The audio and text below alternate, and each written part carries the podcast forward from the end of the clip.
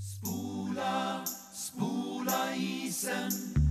Spola, spola isen. Spela, spela bandy. Det spelades bättre boll på gräsplanen hemma vid. Och våran slogan är jävligt kort. Det kan vi göra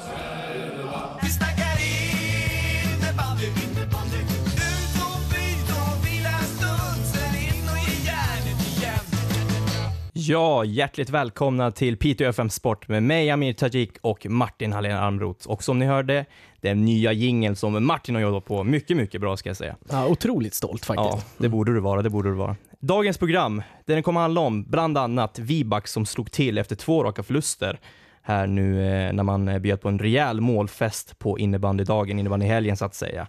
Vi pratade bland annat med Emil Johansson som gjorde comeback efter SSL-spel i Skåneland. Men vad mer? Ja, sen har vi också Charlotte Kalla, givetvis Piteå Elite. Vad är det som händer med henne och när får vi svar vad hon egentligen håller på med eller vad hennes kropp egentligen håller på med?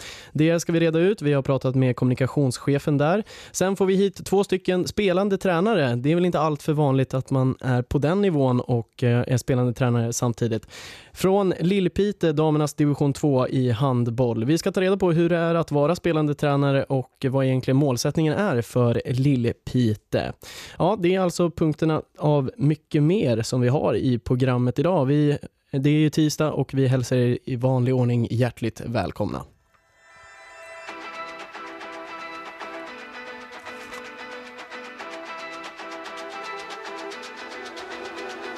Och ni hör låten Bull City med Jonathan Johansson.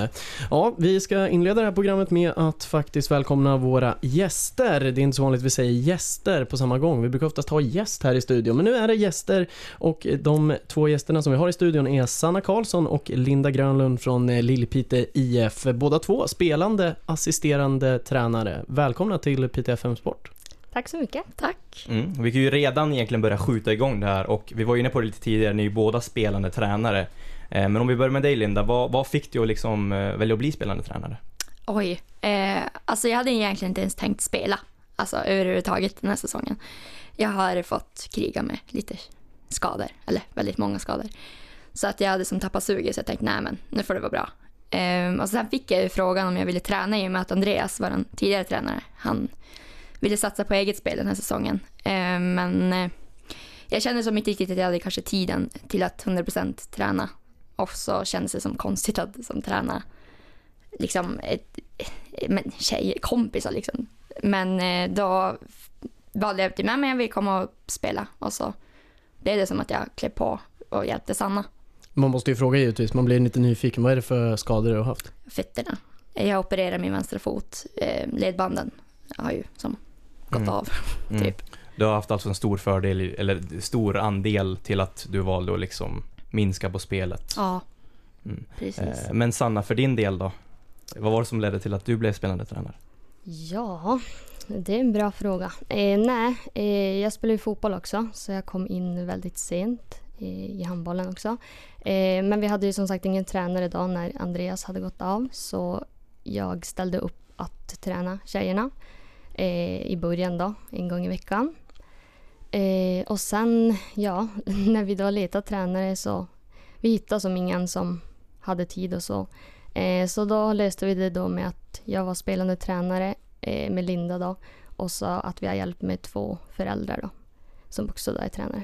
Mm.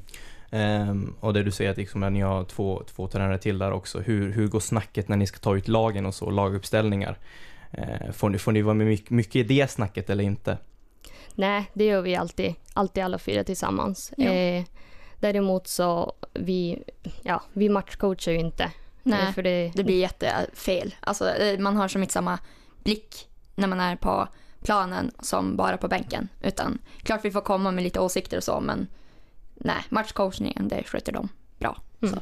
Du var ju inne på det lite där Linda, att ja, men ska vi verkligen träna sina egna kompisar? Mm. Hur har det blivit? Har det, känns det som att du går in och petar i liksom kompisen? Det kan ju bli lite vad ska man säga, inte rivalitet men det Nej. blir lite annorlunda. Ja, men precis. Nej, men alltså det, nu, nu funkar det bra. Alltså, det är väl mer att, att man kanske man försöker tänka på att inte så här, bara om man tycker att någonting, ja men om någon spelare gör någonting så känner man nej men gör så här istället. Då försöker man bara, ja men det är inte fel, men du kan tänka på just så, bara för att få det liksom positivt istället för att liksom, nej det är fel.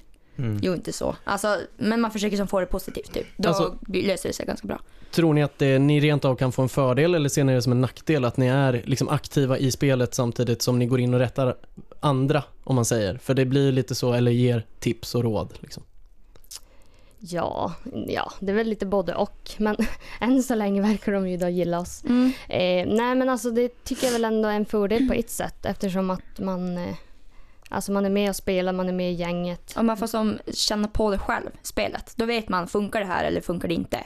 Då vet man som vad man kan ändra på och göra bättre när man själv får liksom vara med. Mm. Mm. Du, du var ju inne på det själv också här att du, du, du snackar mycket och sånt när du väl är liksom utanför och är tränare och så, när du Ja. sa om innan. Eh, hur känner du själv att det har funkat att vara just tränare också vid sidan av? Har det funkat bra? Eller känner du att du har, du har mer att utvecklas på eller vad, vad ser du där? Men nu tycker jag det funkar bra, det tycker jag. Mm. Alltså, det är klart jag har mycket att utvecklas, herregud. Men, eh, nej men alltså det, jag tycker det funkar Mm. faktiskt. Du eh, Sanna som till exempel eh, spelar fotboll också, där du bara är vanlig spelare eh, i Storfors AIK kan ju nämnas. Eh, men eh, om du ser på handbollen nu, tänker du mer så här taktiskt än vad du gör till exempel till skillnad från fotbollen, där du mer bara kan gå in och spela? Eh, har det blivit så här att, ja men när ni spelar samtidigt så bara, ja men nu kanske vi skulle ha gjort det, ja det får jag säga till tjejerna sen.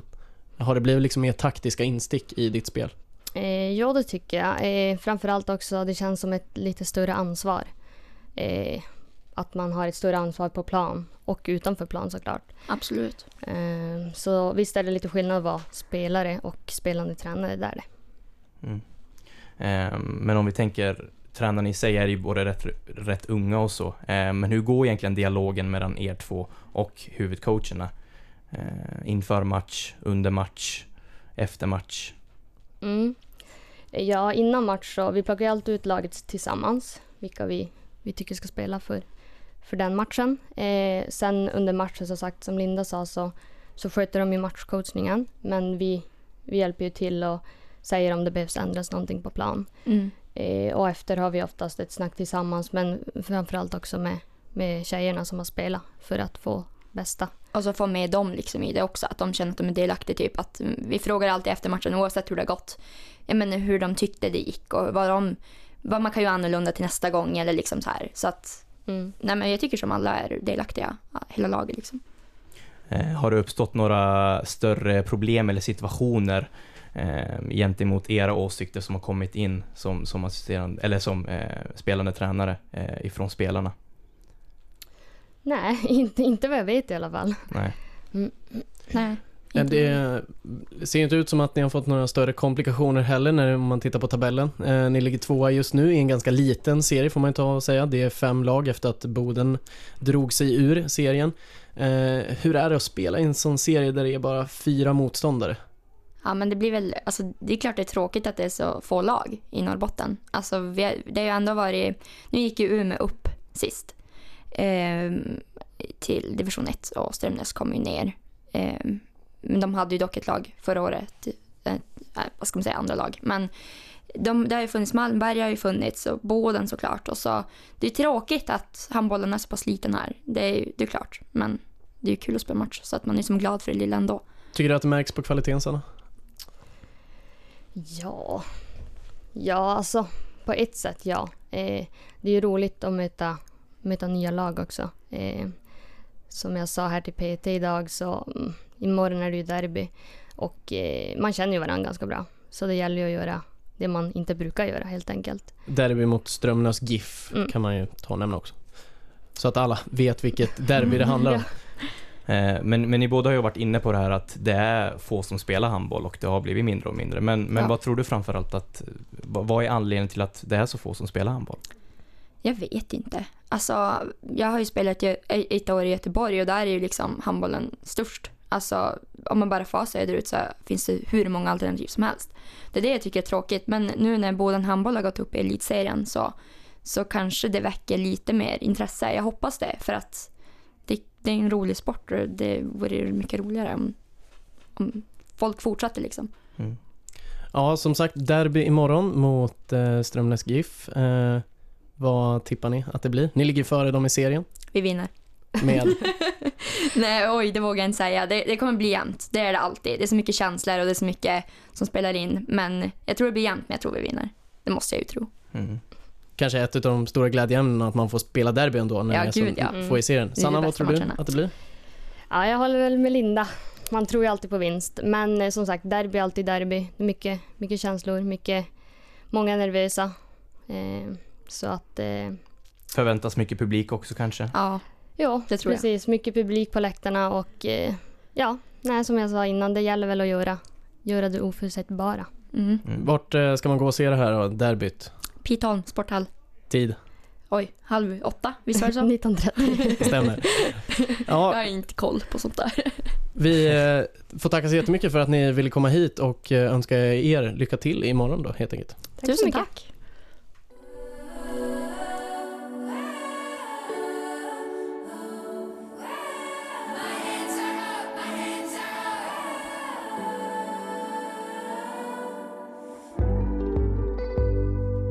Fountain heter låten och artisten heter Demira. Ja, nyss så hade vi våra två gäster för den här veckan inne i studion. Det var Sanna Karlsson och Linda Grönlund från Lillpite IF som imorgon har ett väldigt, väldigt tajt derby som de upp, eh, ja, eller sa själva mot eh, Strömna GIF. Eh, pratar alltså handbollens division 2. Vi ska fortsätta prata handboll, division 2, men vi ska över till ett lag som inte går riktigt lika bra, i alla fall för tillfället. Och, Nej, precis. Och det är, det är ju Norrfjärden handboll där eh, herrarna spelar i division 2 är eh, inne i en ganska dålig form får man ju ändå säga och det har man ju sett på både resultat, statistik och inte minst när vi pratade med, med Rickard Nordlund. Men de, de eh, sex senaste matcherna har man ju också förlorat och, och, och Lidingö var ju senast så där, där ser ju dock inte Rickard Nordlund som helt förkastligt vi ska höra här. Ja, alltså, Lidingö är ett bra lag, men jag tycker ändå vi visat eh, så länge vi orkar med våran första sexa så är vi ju kanske inte lika bra, men nästan lika bra. Men sen, de har ju en, en till sexa som är i stort sett lika bra och det, det har inte vi. Nej, hur, hur tunn är truppen liksom? Hur mycket märks det? Eh, jättemycket, alltså vi har ju en jättetunn, eller vi har ju jättemånga spelare, men eh, vi har ju ganska många som då bara tränar typ två gånger i veckan för att hålla igång och spela med B-laget. Och så har vi ju ganska många som det var pojklagsspelare i fjol. Så att eh, numerärt är vi ju ganska många så, men vi har för lite kvalitet. Är det, är liksom när drar det ifrån? För det blir ju ändå 33-19 Jo. i, i matchen. Är det, hänger ni med i början eller hur, hur ser det ut? Eh, Ja, det skilde väl ett eller två bollar i paus. En eller två bollar i pausen och sånt där. Det var, det var, vi var så med. Vi hängde väl med i början av andra, men sen, ja, där vi måste börja byta runt lite mer, då, då drar de iväg sakta men säkert. Hur, eh, hur är stämningen i truppen? Ni har ju fått sex raka förluster nu. Eh, Ja, och ja. tagit fyra poäng. Hur märks det av på grabbarna i, i laget? Eh, jo, nu tycker jag att det gör det. Alltså, det är ju lite, det blir ju lite grinigare, lite gnälligare och så här. Hade vi vunnit alla matcher, då är det vissa grejer som bara hade, det hade hänt och då hade det hänt och så var det över. Men nu börjar folk prata om det och bli irriterade eller, ja men sådana grejer. Och så är det ju väl med alla, alla lag och alla sporter, antar jag. Hur, hur löser ni det då inom truppen? Har ni pratat om det eller hur hanterar ni det? Ja, vi, vi kör på som vanligt. Vi har ju vi har bara en match kvar nu innan jul så får vi ta det en ordentlig utvärdering efter, efter den matchen. Ja, som sagt, ni har fyra poäng, ligger näst sist just nu och eh, för två veckor sedan så fick ni en ganska tuff förlust mot er när ni mötte eh, Sweetheart. Eh, Ja, Den med 23-22. Kan du berätta lite vad som hände i den matchen? Ja, vi ledde ju med 9-0. Och så, ja, vi slutade ju som göra jobbet för varandra. Det blev mycket en och en framåt. Eh, bakåt funkade det ändå hyfsat. Eller bakåt var det bra, 23 insläpp är ju bra. Men det var som det låser sig framåt och vi har ju som haft problem framåt hela säsongen. Vi gör för lite mål helt enkelt. Hur, eh, hur tuff eh, var förlusten att få emot där? Det är ändå viktiga poäng för varje, varje match känns det som. Ja, det, var, det är bland de tyngsta förlusterna jag varit med om i min handbolls och fotbollskarriär. Så den var riktigt tung. Gud vad lång flygresan var. ja, det var riktigt, det var riktigt, det var riktigt hemskt alltså. Som sagt, det är en match kvar för er del innan eh, uppehållet och ni möter AIK hemma. Eh, hur ser du på förutsättningarna inför matchen? Ja, alltså vi har lite småskavanker och lite jobb och sådär, så vi har lite, lite pusslande i helgen. Och, men vi hoppas att alla kan vara med utom, eh, Lundström som är skadad. Och eh, AIK, ni vann ju till och med på bortaplan mot dem med 21-17 senast. Är det någonting som ni bär med er in i matchen? Eh, absolut, det hoppas jag då. Och det tror jag också. För det är ju, ja, vår klart bästa match kan man väl nästan säga. Även om nu 21 mål är ju 10 för lite. Men 17 insläpp är ju fantastiskt bra. Och det säger alltså tränaren för Norrfjärden Handboll, Rickard Nordlund. Ja, Amir, eh, det går ju tungt för eh, Norrfjärden Handboll, men eh, ja, ser du Ja. något ljus i tunneln här? Ja, alltså han är ju inne på det själv också, att det går väldigt tungt och det det är mycket snack i, i omklädningsrummet utanför eh, planen och så, att de är lite griniga och så. Men, men det jag ser där, det är lite någonstans måste man sätta stopp för det där. Man måste liksom kanske ta det med spelarna. Nu får vi tänka bort från de här förlusterna, försöka lära oss någonting utav dem. För han är ju inne på att man kör på ändå. Man låter det liksom glida iväg. Och där tror jag att spelarna har fortfarande det i sig. Man har förlorat väldigt många matcher, man gör misstag och de var inne på 9-0 eh, som man hade där mot, eh, mot eh, Sweet, Sweet Hall där, men sen så tappar man det igen. Och då, då har det mycket med att man, man känner sig bekväm med 9-0 och så tappar man huvudet och så vänder det. Jag tror Så- ju personligen att det kan vara lite grann psykologiskt där, att man har varit inne i en dålig svacka också. Eh, Då kom, det är svårt att bryta dem. Precis, precis. Men där, där tycker jag faktiskt de, ska de lyckas, vilket jag faktiskt har förhoppningar om, om att de kan göra de har ju ändå tränarstabben, de har ändå ett bra lag, så har de viljan så kan de göra det. Men de måste ha den där viljan och försöka släppa de här negativa trenderna, negativa tankarna i sig. Det som eh, sa- saknas är ju som sagt bredden och det var vi inne på både med våra gäster nyligen och överlag, att det inte finns den här bredden Nej. i Piteå just nu. Det är för få som spelar handboll Mm. och eh, vill göra det ordentligt på en seriös nivå. Mm. Och det finns ju flera olika anledningar till varför det är så och då kan man spekulera kring, kring det liksom.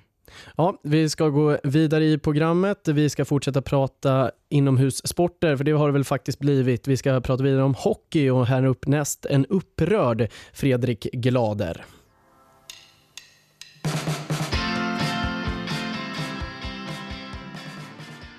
Ja, det var alltså veckans singel Mental Haven med Hater. Mycket bra låt, mycket bra låt. Eh, för er som nyss har kommit hit och har missat eh, tidigare så lyssnar du som sagt på Piteå FM 92,8. Eh, Piteå FM Sport här. Vi har haft två gäster från Lill-Piteås handbollslag samt pratat en del om Norrfjärdens i handboll. Men nu ska vi över till hockey och då börjar vi med Luleå MSSK. Eh, och där kan vi ju se att helgen har varit väldigt hård, både på isen men samt resultatet också. Och vi pratade ju ganska mycket om incidenten som skedde i LF Arena när hockeydamernas hade matchen mot. SDE. Ja, en, man, ma- en match man eh, vann med 3-1, eh, men det var ju inte segern det pratas om i sig. Delvis så vinner man med ganska små siffror, utan eh, det här stora fokuset som det hamnar på var Fredrik Gladers uttalanden om SDE och att de endast var ute efter att skada. Och det är ett påstående som när vi ringde upp som man inte alls tar tillbaka. Nej, men jag står fast vid den att det är något som inte, som inte hör hemma på, på hockeybanan och det, ja, den är livsfarlig. Mm. Eh, du hade lite citat där du skrev att de åker runt för att skada. Eh, vill du utveckla den lite grann? Ja, men det handlar ju mer om att de inte hänger med och de, de är nog inte förberedda på att, att eh, kanske, de kanske inte har jobbat med delarna av att försvara sig mot ett spelskickligt lag, utan då är det lätt att man kommer sent in i situationer och, ja, men, som gör att det orsakar stor skaderisk. Mm. Ehm, tror du det rent av är av, av slumpen att det blir en sån, att det blir sådana situationer eller tror du att man har, gör det med mening eller vad, vad leder till sådana här? Någon, någonstans tror jag inte att någon har med mening, men risken är ju att till slut blir frustrationen lite hög och då kanske man medvetet sätter sig i en sån situation som exempelvis den här tacklingen. Mm. Nu, Eh, nu blev det ju också matchstraff utdömd där och tills Mm. vidare också granskning på det hela. Ehm, vad, vad säger du om, eh, om den, eh, att de har valt att granska på det? Hur, hur många matcher skulle du se? Det är inte jag rätt man att utdöma, men jag hoppas att de dömer ett, ett, ett eh, straff som blir kännbart och det, det som, som ska vara rimligt för det. Eh, sen, sen är jag glad att de tar upp det och tittar på det. Mm. Eh, men om vi tänker Emma Nordin i, i helhet, eh, hur, hur är läget med henne just nu? Jo, men det är bra nu. Emma kollade upp sig direkt på kvällen och sen gjorde hon ett test på morgonen och det föll väl ut så att det gick bra för henne att spela dagen efter. Han du prata med henne just när incidenten hade skett på kvällen där? Ja, absolut. Oroad då, eller? hon, ja, hon var ju väl mörbultad och tagen så Mm. det var inte så konstigt. Nej, men vad tur att hon i alla fall mår bättre. Eh, men, men om vi tänker i söndags här då, då när ni mötte Leksand på Coop Arena, eh, Mm. så åkte ni ju faktiskt på torsk. Eh, Mm. Eh, vad, vad säger du om helhetsmatchen där? Om, om era Nej, insats? men där tycker jag vi, vi, eh, vi är inte nog bra första period och det straffar oss ganska hårt samtidigt som eh, Leksand gör det riktigt bra också i första perioden. Sen, men sen från andra perioden så ger vi oss själv chansen att vinna och, och vi kommer ikapp till 2-2 och har bud på mer. Och, eh, men sen så är det lite litet misstag som faller oss i tredje perioden ändå på något sätt som, som de gör 3-2 på. Så att, eh, det är både och. Det är en märklig match som man tycker är. Vi, vi har nog mycket chanser för att kunna få göra lite mål och sådär men, men samtidigt så det, det grinar lite mot oss. Eh, Mm. att, eh, Jo, ni hade ju så- 51 skott på mål. ehm, Mm. Och det, det, är ju- det är ju väldigt mycket och där kan man ju förvänta sig av ett topplag som ni är och ligga etta, kanske göra nog fler än två mål kanske. Ja, nej men absolut. De förvänt- förväntningarna har vi på oss själva. Kanske inte just att göra... Eh, vi ska alltid göra minst ett mål mer än motståndarna. Utan jag tror också att vi måste sätta fokus på att eh, vi ska inte släppa in tre mål mot Leksand hemma. Utan Mm. Men, vad, lite mer stolthet över att släppa in mindre mål. men vad tror du egentligen var anledningen till att ni, ni nu förlorade? Kan det ha varit för att eh, den här skadan på Emma som kanske tog lite hårt på spelarna? Eh. Nej, det, det tror jag absolut inte. Utan det, det vi förlorade på det var att vi inte hade nog bra försvarsspel i spelet utan puck. Och det säger alltså tränare för Luleå MSSK, Fredrik Glader. Ja, de hade ju två matcher där på helgen, alltså den första matchen på lördagen här i Piteå, när man vann mot SDE med 3-1, men sen så förlorade man mot Leksand med 3-2 hemma i Luleå. Två stycken hemmamatcher, en i Piteå, en i Luleå. Men ja, man förlorar alltså med 3-2 och man har 51-16 i skott. Mm, och det är just den här 51 skott på mål, det är den som svider nu tror jag, både för dem och för fansen i sig, att det ska, det ska vara så, för det är ju en match som egentligen Luleå ska vinna, som är etta i tabellen. Men Martin, du har ju liksom ändå, du har ju följt med det här, du har ju sett på matcherna, du har ju inte minst också kollat på den här tacklingen som, som skedde här nu i lördags. Vad, vad säger du om det? Ja, om vi ska kolla på den här tacklingen som är först då med Emma Nordin där hon blir tacklad. Det är ju en rejäl open ice-tackling. Eh, som, eh, den hade inte varit klockren om du hade varit på herrnivå heller. Det ska ju nämnas för de som inte vet det. Det är inte okej att tacklas i ishockey på damnivå. Eh, Medan det är okej för herrarna, eh, vilket vi kan ta en annan gång. Det tycker jag är helt eh, konstigt. Men det här hade ju varit en väldigt dålig tackling även på herrnivå. Eh, och den är liksom, hon kommer helt från sidan, full fart. Emma Nordin har inte mycket fart överhuvudtaget och eh, ja, det är, det är lite det här som man har haft eh, snack om, eh, brist på respekt. Mm. För det tycker jag att det är i det här fallet. Eh, verkligen från, eh, från SD-spelaren, eh, holländskan då.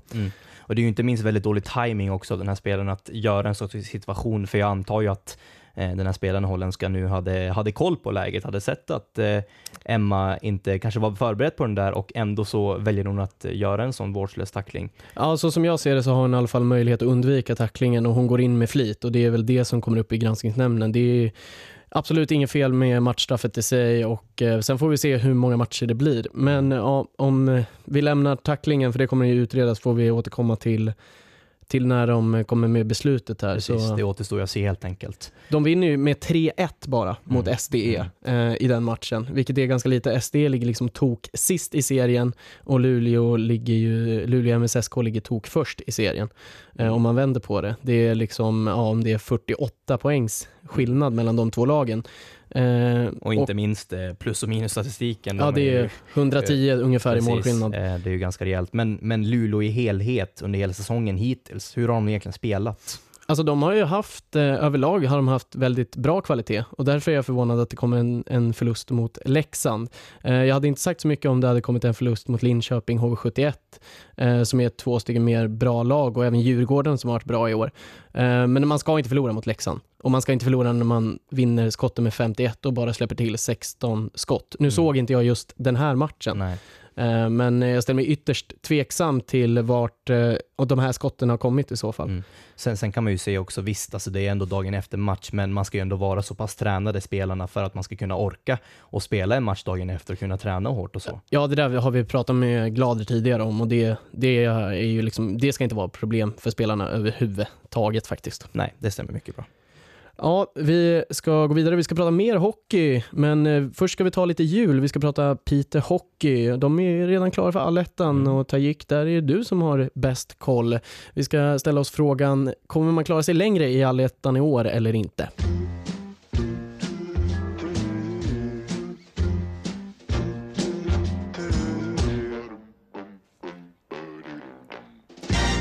Stämningsfullt värre med Michael Bublé i låten White Christmas. Julkänslan eh, står sig när vi pratar vidare hockey och vi ska gå över till Piteå Hockey som nu är klara för all ett ettan. Piteå HC hade den här bortaveckan kan man väl ändå säga, men eh, helgen var också borta där man började med en torsk mot Sundsvall för andra gången man förlorar mot dem för övrigt i år. Och sen så vann man mot Örnsköldsvik alltså, vilket gjorde också en säkrad plats i allettan. Ja, Piteå HC har ju gått väldigt bra i år och är klara för allettan redan med två omgångar kvar innan det går över till det. Till att börja med, kan du förklara lite vad allettan är för de som inte förstår Taik? Eh, först är det Hockeyettan, norra som det kallas, och där kommer man lira alltså. Eh, sen har vi topplagen, ettan till eh, femman till och med, som går över till allettan alltså sen. Och då spelar man upp det, samtidigt som man senare, går det bra för dem, då går de vidare till slutspelet. Eh, men för lagen som är under det här strecket, då, hur går det för dem? Jo, men de kommer också spela efter jul. De kommer istället spela Hockeyettan norra vår, som det kallas. Och då försöker man kvala sig kvar, eh, hålla sig kvar helt enkelt i, i ligan, så att säga. Ja, så för Piteås del så gäller det först att ta sig förbi ett till kval kan man säga för att ta sig upp i Hockeyallsvenskan. Precis, sedan kommer, kommer komma till slutspelet och där kommer det bli väldigt tufft och det var precis Joel Wenström inne på förra veckans avsnitt. Ja, alltså förra veckans gäst, Joel Wenström, målvakten i Piteå Hockey, den ordinarie målvakten och en av de bästa i serien. Vill ni lyssna på det för övrigt så kan ni lyssna på våran podd som finns både på Acast och iTunes. Piteå FM ihopskrivet mellanslag sport så hittar ni det. Mm. Ja, om vi, vi fortsätter på det som Joel Wenström var inne på Mm. eh, så sa han ju hoppas att det går bättre för oss i år än vad det gjorde förra året. Mm. För då åkte man ju direkt mot Södertälje. Precis, och det var ju en tuff, tuff kamp där också. Man vann ju första matchen där, men sen så tappade man 1-1 och förlorade med sen 2-1 i matcher. Eh, och det är ju ett Södertälje som är väldigt bra också, men, men jag tycker i sig att Piteå ska vara väldigt stolt att man ens kom så där långt förra året. Man har ju ett bättre lag i år än vad man hade förra året på pappret så att säga. Eh, men det är ju precis det Joel Benson var inne på, att eh, förhoppningsvis kan det gå bättre, kan man komma längre till kanske andra rundan av slutspelet också. Eh, men han var väldigt mycket inne på att man ska ha viljan att man gör det liksom. Eh, och då kan man ju uttrycka sig lite hur man vill, men, men eh, i min åsikt så tror jag egentligen att Piteå har väldigt stora möjligheter, stora chanser till att till och med kunna ta sig upp till Hockeyallsvenskan. Eh, för det har ju gått så pass bra. Det har ju legat där uppe mellan Piteå och Asplöven inte minst.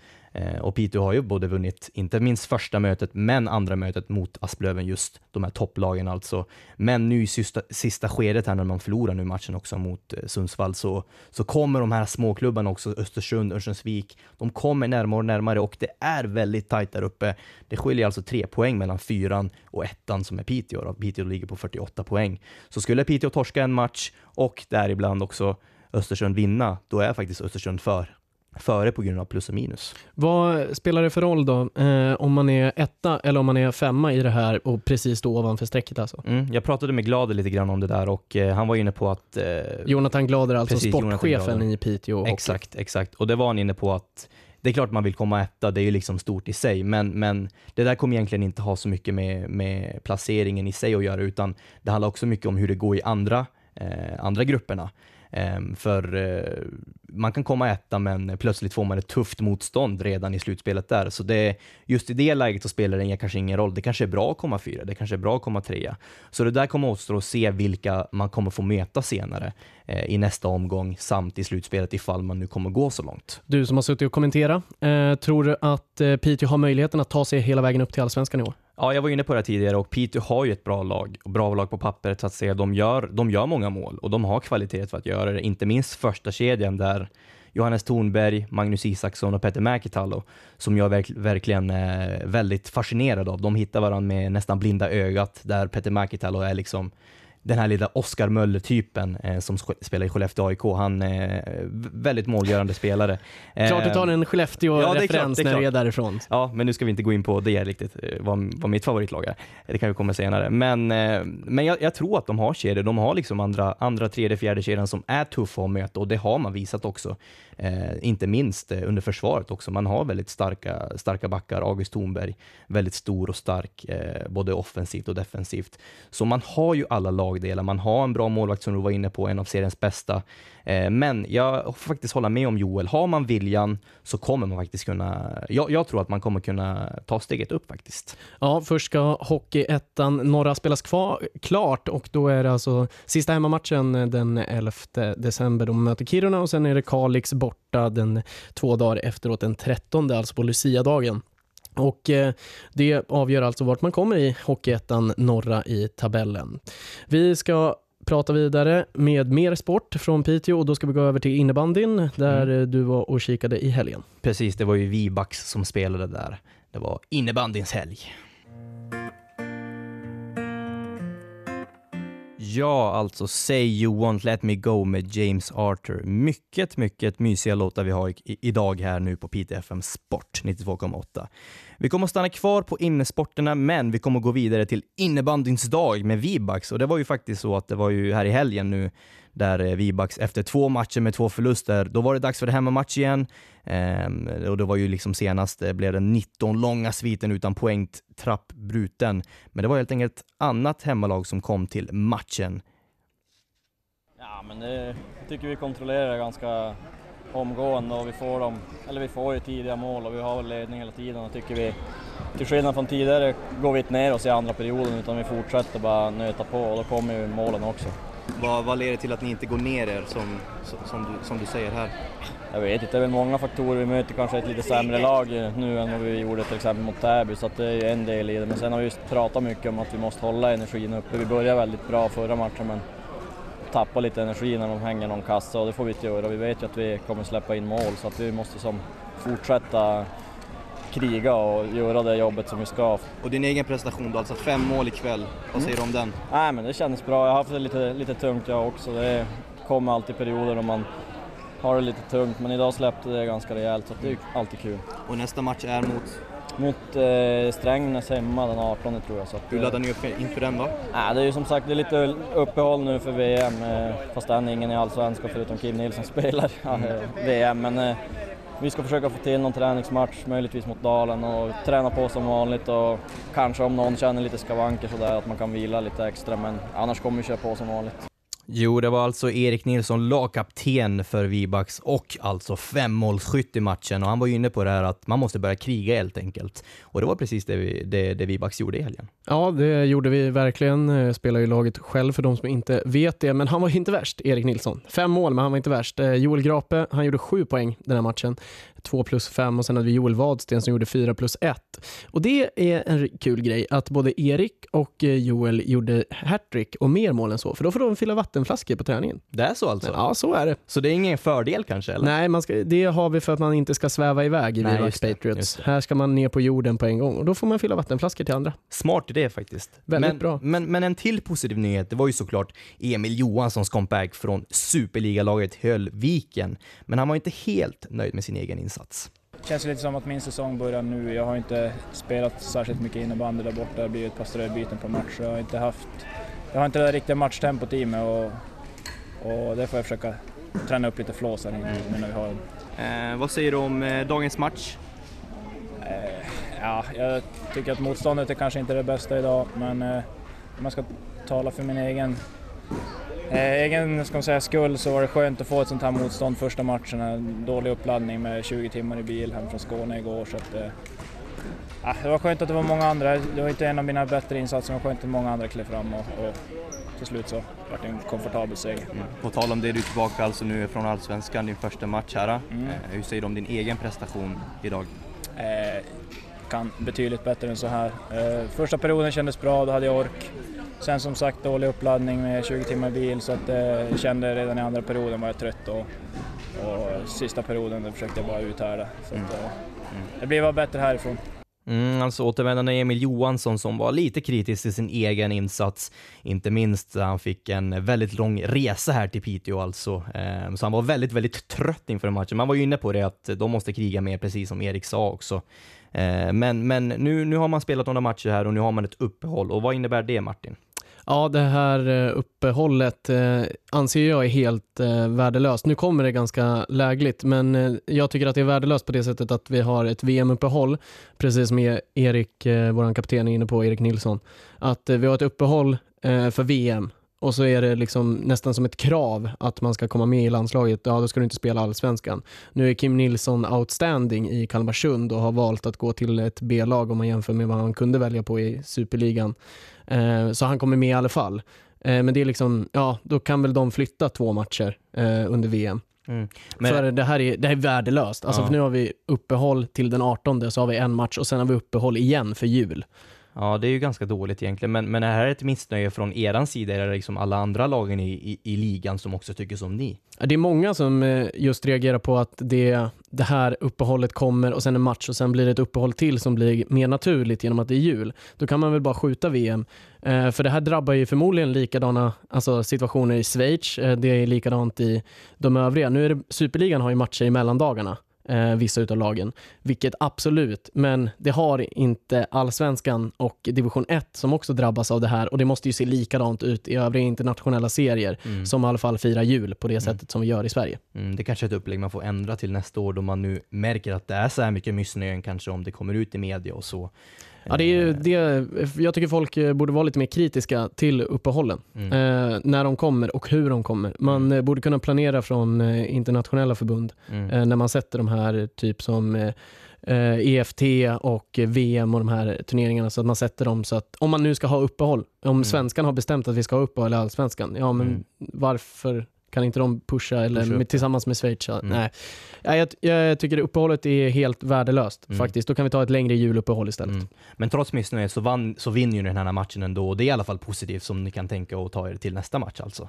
Ja, det är extremt positivt Mm. såklart att vi, att vi vinner. Eh, dock var det kanske lite väntat. Vi möter Rotebro som ligger näst sist och Mm. vi ska vara med, tycker jag i alla fall, på en kvalplats. Mm. Eh, och ja, 14-5. Mm. Eh, det är inte varje dag vi vinner med Nej. nio måls skillnad. Ändå så var första perioden ganska jämn där ändå. 2-1 slutade det till er och de hade två ramträffar. Ja, fast vi hade kunnat leda med 7-1. Så. Ja, ja. Det, det är bra Martin. Du har, du har det i dig. Ja, vi ska prata om kanske den stora nyheten som har hänt runt om i världen efteråt, eh, nämligen Charlotte Kalla och eh, Piteå Elite. Där har ni låten A Change of Heart med The 1975. Vi ska ta den sista stora grejen som vi har med i det här programmet. Ingen har ju missat att Charlotte Kalla först var sjuk och senast nu i sång- säsongspremiären i Rocka i Finland kom hon helt ur form. Charlotte Kalla som blev väldigt förvånad och eh, själv inte riktigt visste var den här mjölksyran kom ifrån. Nej, precis. Och vi frågade ju kommunikationschefen hos Svenska skidförbundet, Katarina Medvetski, vad som egentligen händer härnäst för Charlotte Kalla. Ehm, hon är ju i Stockholm nu och eh, genomgår en ingående medicinsk eh, utredning eh, på grund av det som hände i helgen när hon körde i 10 kilometersloppet. Ehm, och den utredningen påbörjades i morse och kommer hålla på till imorgon eftermiddag kväll och efter det så kommer vi komma med ett uttalande från Charlotte. Ehm, på vilket sätt vet vi inte än men Eh, i dagsläget vet vi ingenting mer så vi kan inte, vi har vi kan inte säga någonting mer än, än att hon genomgår en utredning nu. Ja, alltså Katarina Medvetski, kommunikationschef hos Svenska skidförbundet som inte riktigt ville uttala sig allt för mycket. Nej, man eh, kommer ju som sagt med vad det här eh, medicinska undersökningen, vad de kommer fram till imorgon. Så vi har inte någonting riktigt att komma ut med. Mm. Nej, Frågan precis. är om det här förstör hela karriären. Det får man ju hoppas att de här svaren inte ger. Nej, precis. Men inte minst så kommer hon ju vara tvungen att avstå tävlingen i Lillehammar för att invänta just de här svaren från undersökningen för att få fram vad problemet egentligen är. Ja, och då är det alltså bara från Piteå Elite Jenny Öberg som blir den enda som åker till Lillehammer. Mm. Men sen har vi även Johaug där. Ja, Johaug ska vi också ta och nämna, det är ju en konkurrent. Hon eh, fick ju från norska antidopningsbyrån som föreslog att hon ska bli avstängd 14 månader idag. Mm, det är ganska Nu- långa resultat. Ja, det är väldigt långt. Mm. Tack för att du lyssnade på Piteå FM Sport den här tisdagen. Jag, Martin Hallén Almroth och Amir Ali Tajik här. säger hej då